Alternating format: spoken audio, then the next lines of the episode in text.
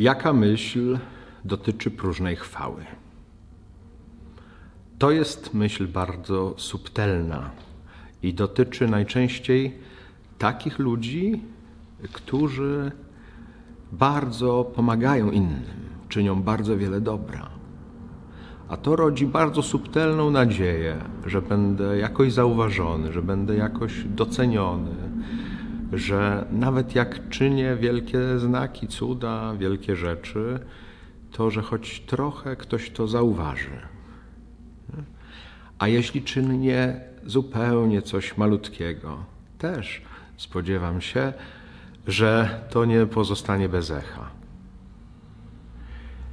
Nawet najwięksi mogą ulegać tej pokusie.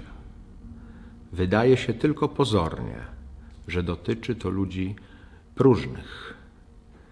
To dotyczy największych świętych.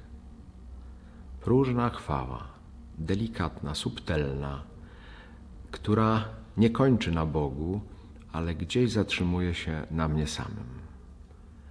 Albo potem prowadzi mnie znów do smutku, rozczarowania, albo do pychy, a czasami nawet do nieczystości, bo bardzo wielu kapłanów, najświętszych choćby, popadało w te pokusy i źle skończyło.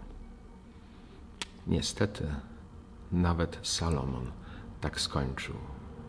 Bardzo warto uważać na pokusę, na myśli o próżnej chwale.